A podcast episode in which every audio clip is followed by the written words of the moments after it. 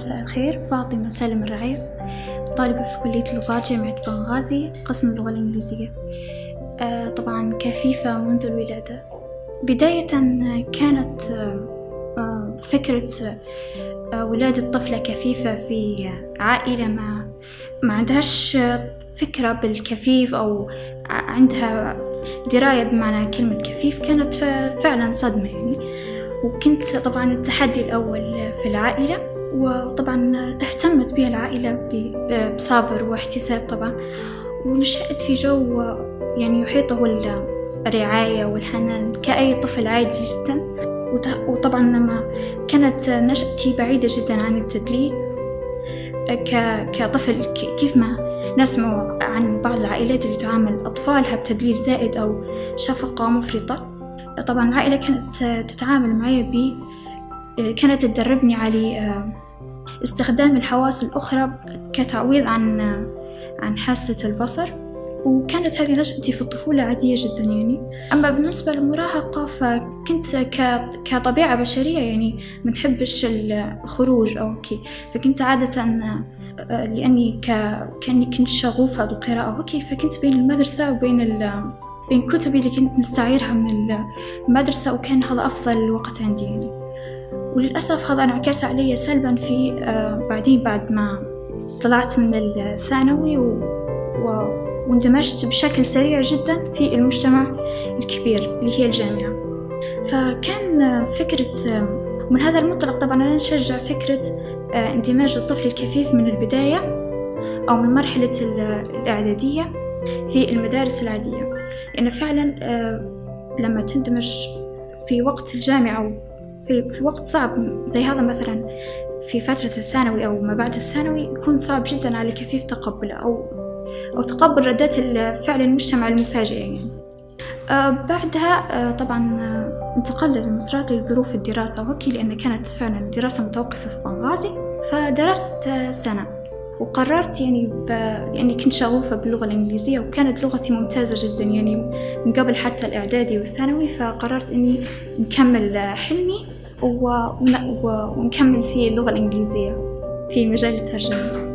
بديت في في الجامعة. قدمت الطلب للعميد الجامعة في مصرات آنذاك. ولكن للأسف كانت واحدة من الصعوبات وبداية الصعوبات رفض يعني رفض رفض قاطع بلاش أي أسباب.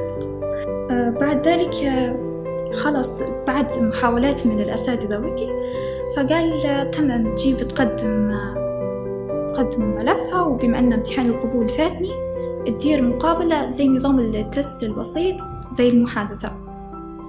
فوافقنا وحددنا الموعد وقدمت أوراقي ودرت المقابلة ونجحت فيها الحمد لله بامتياز بما يعادل امتحان القبول. آه وبعدها فكانت على تو... بس على توقيع العميد ونتفاجأ يعني بردة فعل العميد الصادمة أنه يرفض رفض قاطع ويقول أنا في البداية ما كنتش موافقة على تسجيلها.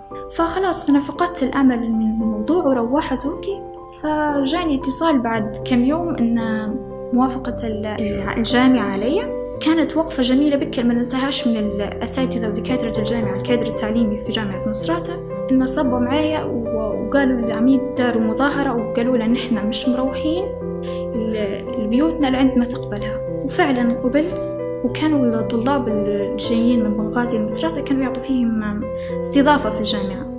ولكن أنا عملت كطالبة عادية جدا في الجامعة كيفي كيف أي طالب في مصراتة وللأسف يعني موقفاتش الصعوبات اللي هنا فأول ما دخلت كان نظرات الاستغراب يعني واضحة على وجوه الأساتذة وكي إن كيف نبي نتعاملوا معاها كيف تبي تقرأ كيف تبي تكتب. مع إني في المقابلة جبت معايا وسائل المعينة والآلة الكاتبة اللي نكتب بها الآلة بيركنز في البداية المحاضرات فكانوا يتواصلوا مع أهلي يعني كيف نبي نتعاملوا معاها كيف تبي تكتب كذا. بعض المحاضرات كانت تفوتني كتابيا لأنهم كانوا يكتبوا على السبورة وكان شوية وضع صعب عندي.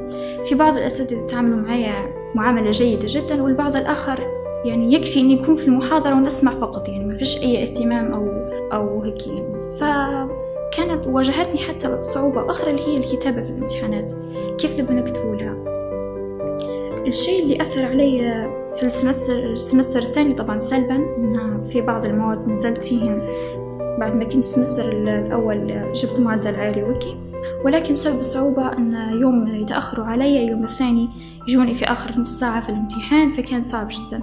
وبالنسبة لما جيت هنا بنغازي الحمد لله الوضع يعني قاعد أحسن وبديت أنا نفهم فكرة الاندماج وبديت حتى درت محاضرات توعوية عن الكفيف وكيف يتعاملوا معاه في منظمات واجد وحتى التحقت في منظمة المنظمة الليبية لحقوق ذوي الإعاقة البصرية.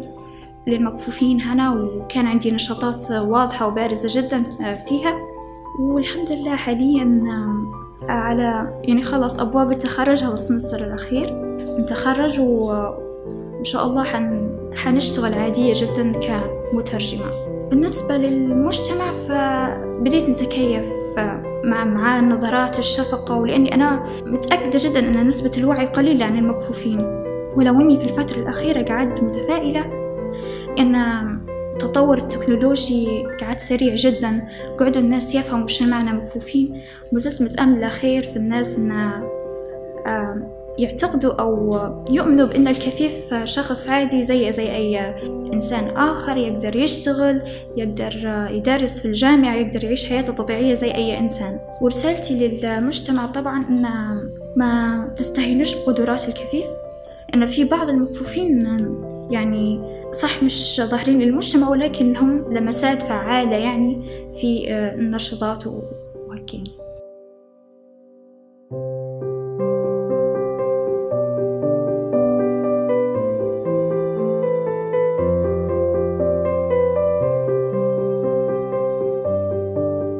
أتساءل دوما كيف يكون شكل الحب وشكل الحياة وشكلي أيضا؟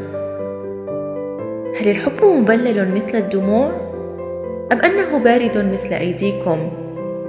أم هو دافئ مثل حضن أمي؟ أقبلت على الدنيا محاربا يحارب المجتمع بأربع حواس وعصا وبمشاعر لا تعد. لكنني على الأقل لا أشعر بالحنين للأماكن مثلكم. فكل الأماكن لدي متشابهة وكلها عدم يحبني الله فيميزني بأن لا أنظر للمحرمات التي تشتكون انتشارها. أعرف أن عكازي هو صديقي الدائم فلا أسند نفسي على بشري وأشتكي ميله. مليء بالمميزات إن أردت مشاهدتها وإن لم تفعل فأنت أيضا أعمى. في النهاية حمدا لله أنني كثيف في بصري. في زمن كثر فيه الأكفاء في قلوبهم. كثر فيه الأكفاء في قلوبهم.